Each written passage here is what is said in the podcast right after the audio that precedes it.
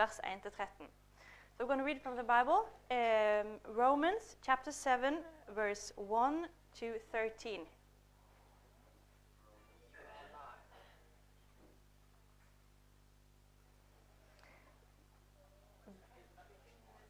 Ja, da er på side 1288. In the Norwegian Bible, um, page 1288. So Romans 7, verse 1 to 13. I'm going to read in Norwegian. Eller vet dere ikke, mine søsken, for jeg taler jo til folk som kjenner loven, at loven bestemmer over et menneske bare så lenge det lever. En gift kvinne er etter loven bundet til mannen sin så lenge han lever. Men dersom mannen dør, er hun løst fra loven som bandt henne til mannen.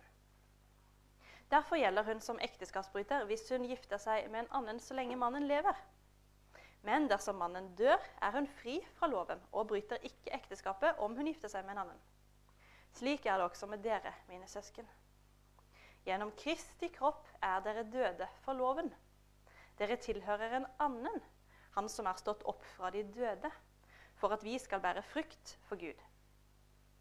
Da vårt kjøtt og blod hadde makten over oss, gjorde loven at de syndige lidenskapene ble vakt til live i, li i lemmene våre, så vi bar frykt for døden.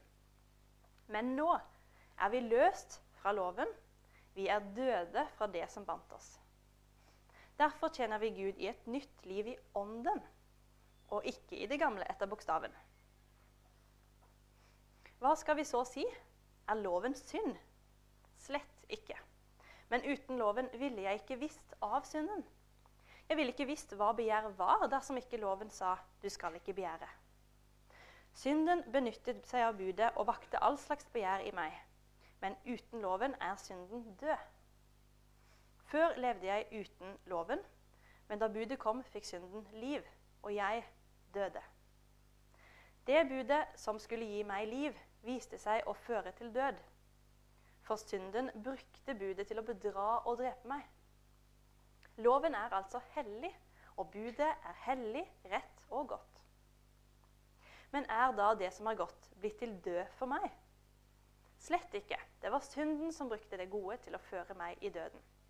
Slik skulle det bli klart hvordan synden er. Gjennom budet skulle synden vise seg å være over alle grenser syndig. Takk skal du ha, Martha. Uh, greetings to the brothers and sisters from Ukraine. Uh, it's wonderful to see you guys. Ja, la oss be. Let us pray. Himmelske Far, la oss se Jesus i dag. Vis oss hvem han er for oss, og hvem vi er i ham. Jeg ber etter Jesu navn. Amen. Uh, hit til romerbrevet Uh, Er det veldig høyt, eller? Nei, det er greit.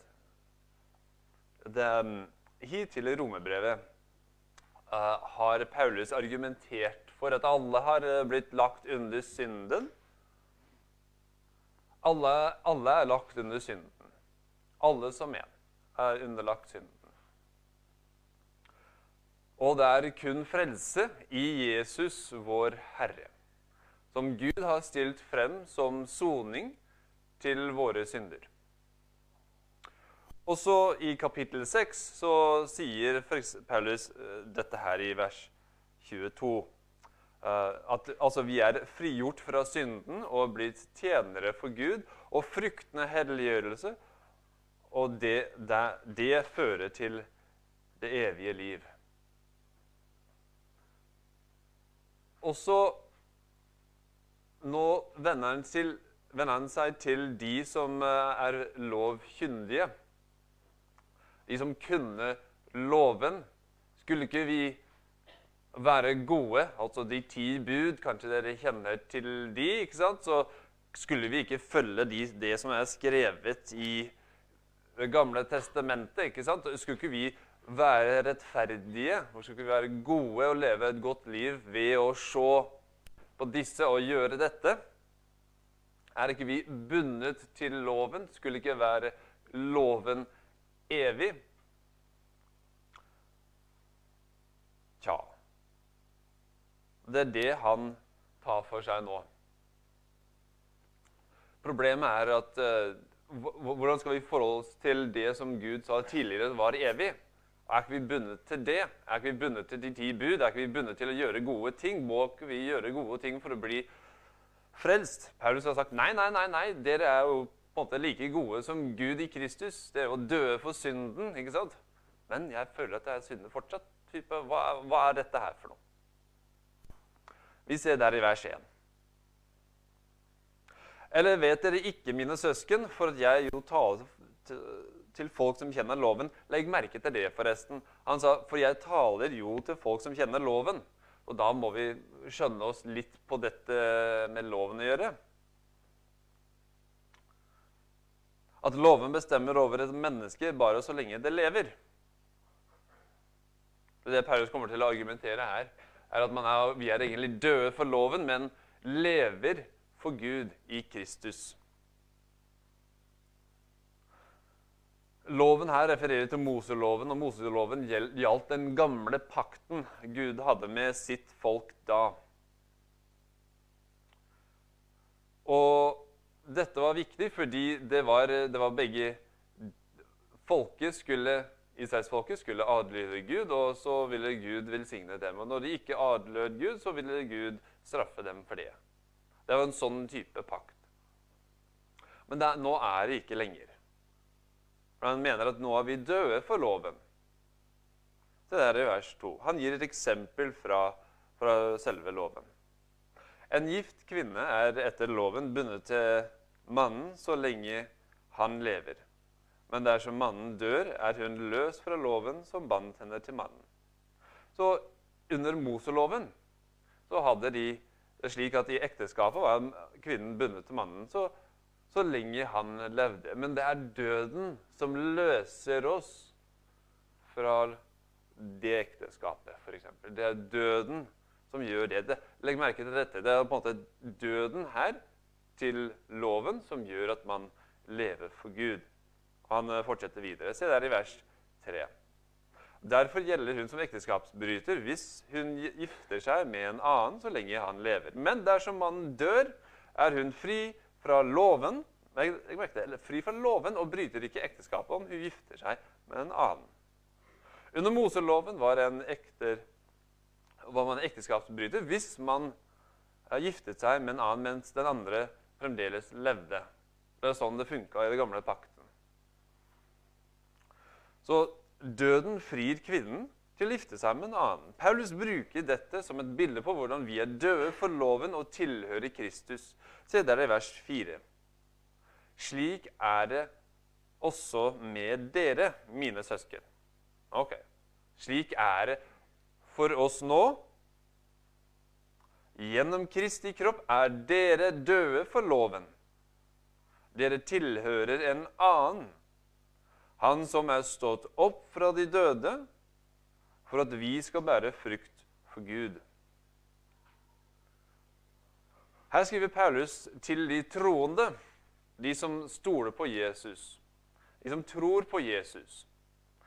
Gjennom Kristi kropp er dere døde for loven. Kristi kropp i denne forstand er Jesu fysisk kropp, den han døde med.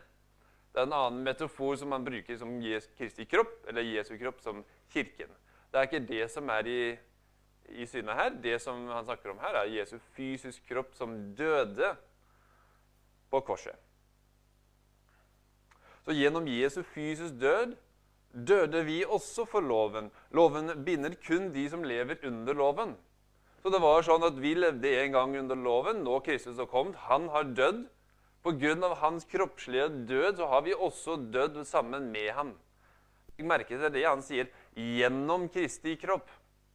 Det er gjennom dette, det er gjennom Kristi kropp, hans død, som gjør da at vi er nå døde for loven. Den gjelder ikke lenger.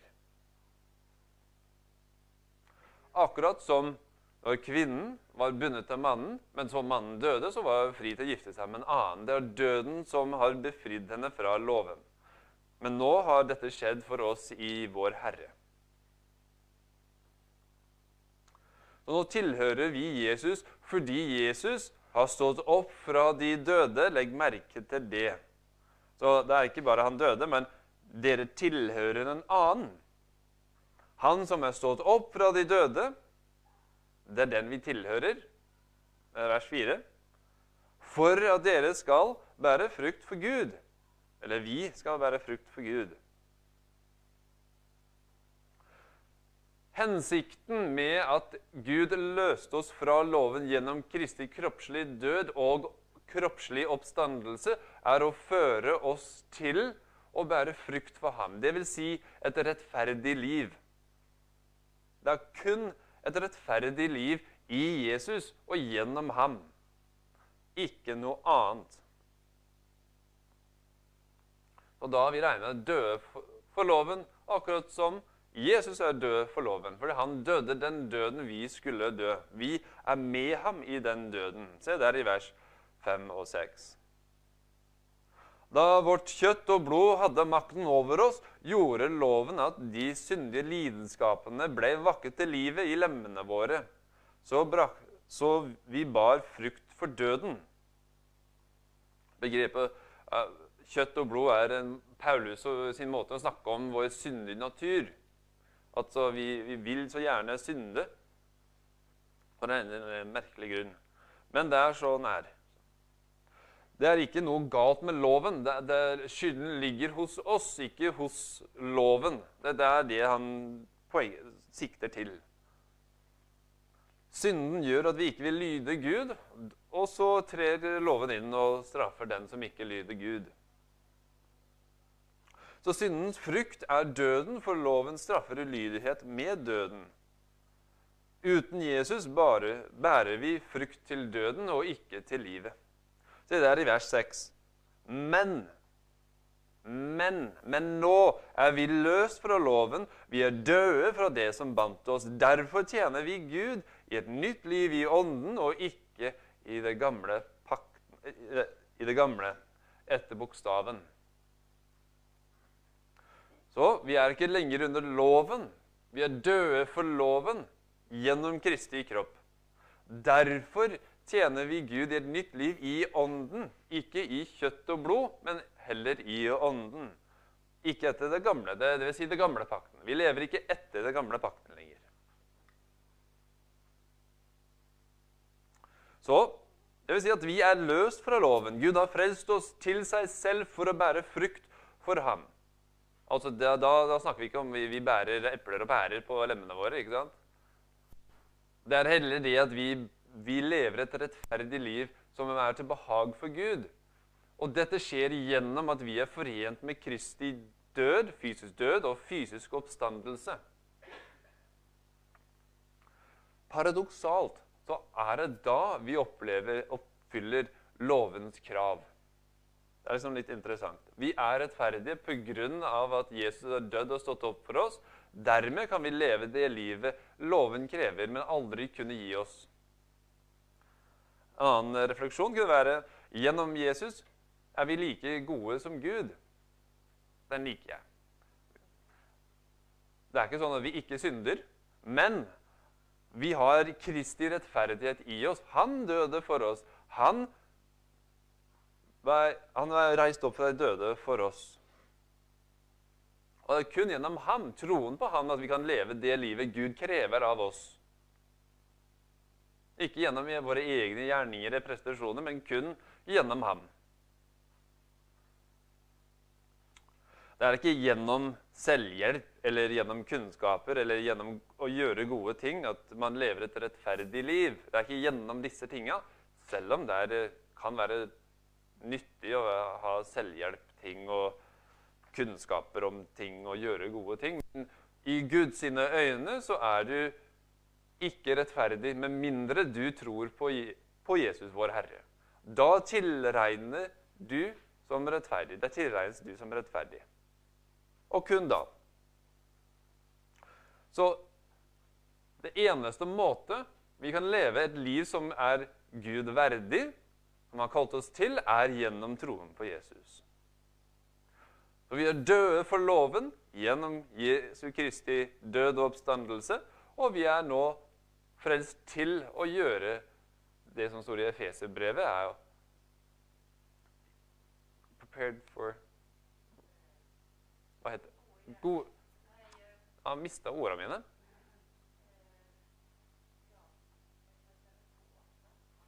Ja.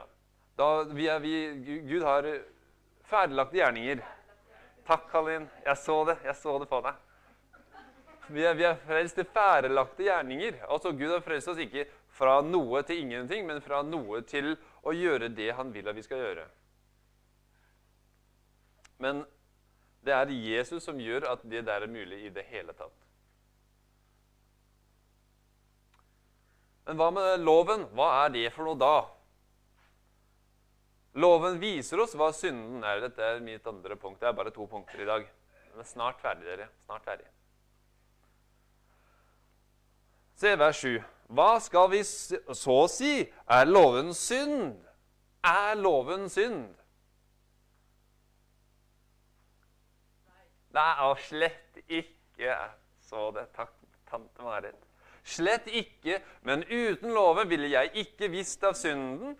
Jeg ville ikke visst hva begjær var, dersom loven ikke, dersom ikke loven sa 'du skal ikke begjære'.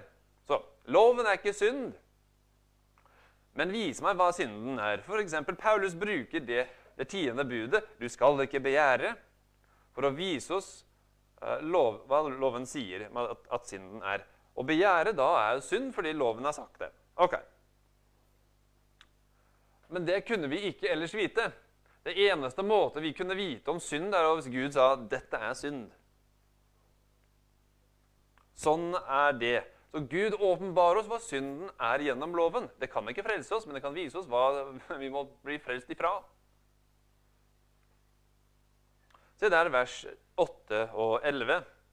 Synden benyttet seg av budet og vakket all slags begjær i meg, men uten loven er synden død. For før levde jeg uten loven, men da budet kom, fikk synden liv, og jeg døde.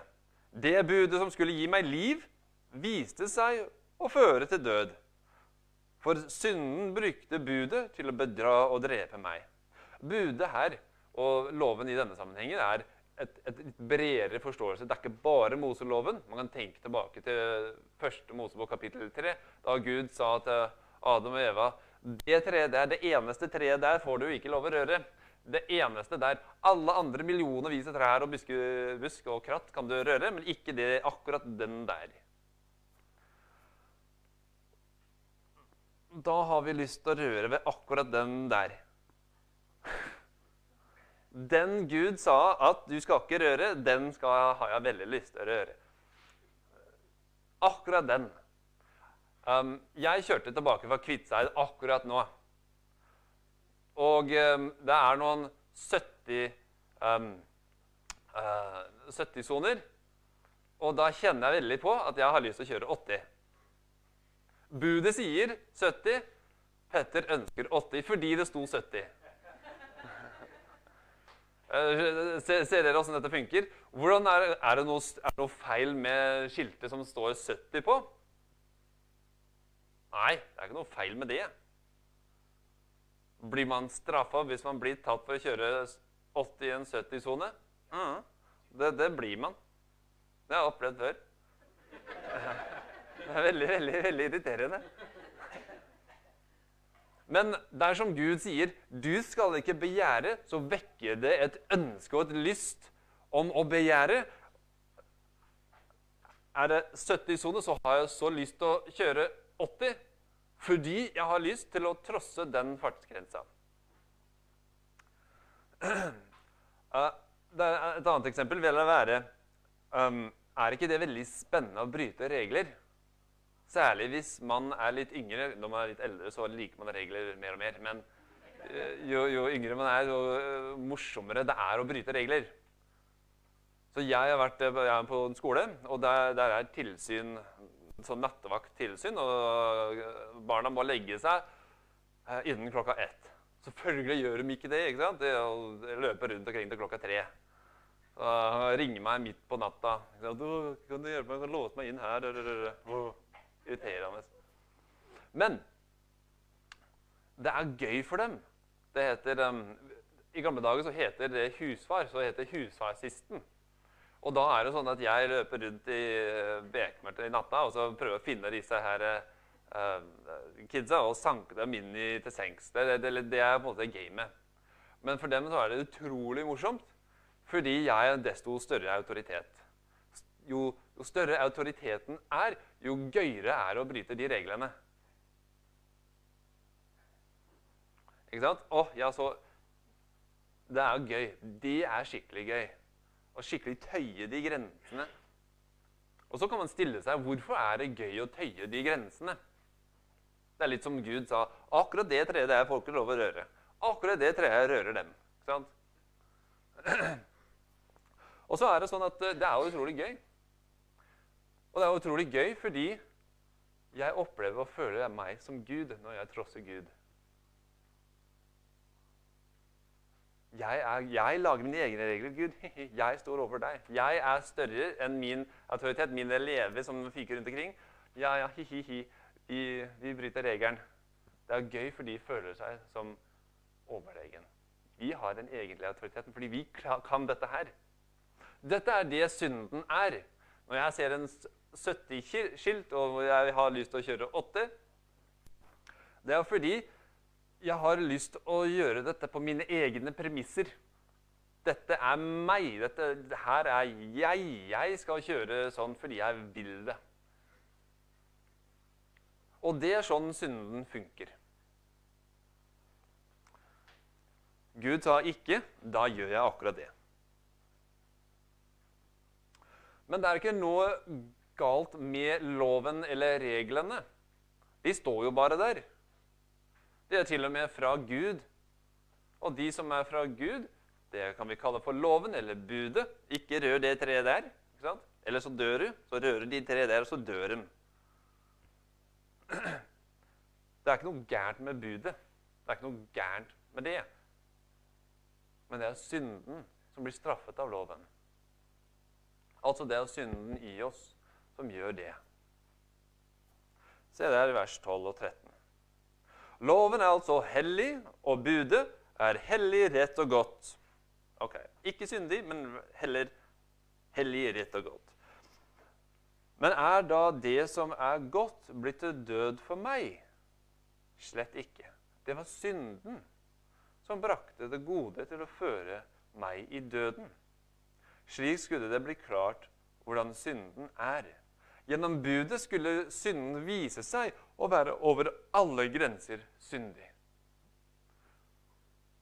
Når Gud sier 'skal ikke begjære', som det står der, f.eks., eller 'skal ikke røre det treet der', så viser det oss at det å røre det treet der, eller å begjære, akkurat som Gud ikke har sagt at vi skal gjøre, det viser oss hvor syndig synden er. Synden er opprør mot Gud opprør. Budet er loven. Den er fin. Den er hellig, den er god, den er rett. Og det viser oss synden. Uten loven kunne vi ikke visst om synden.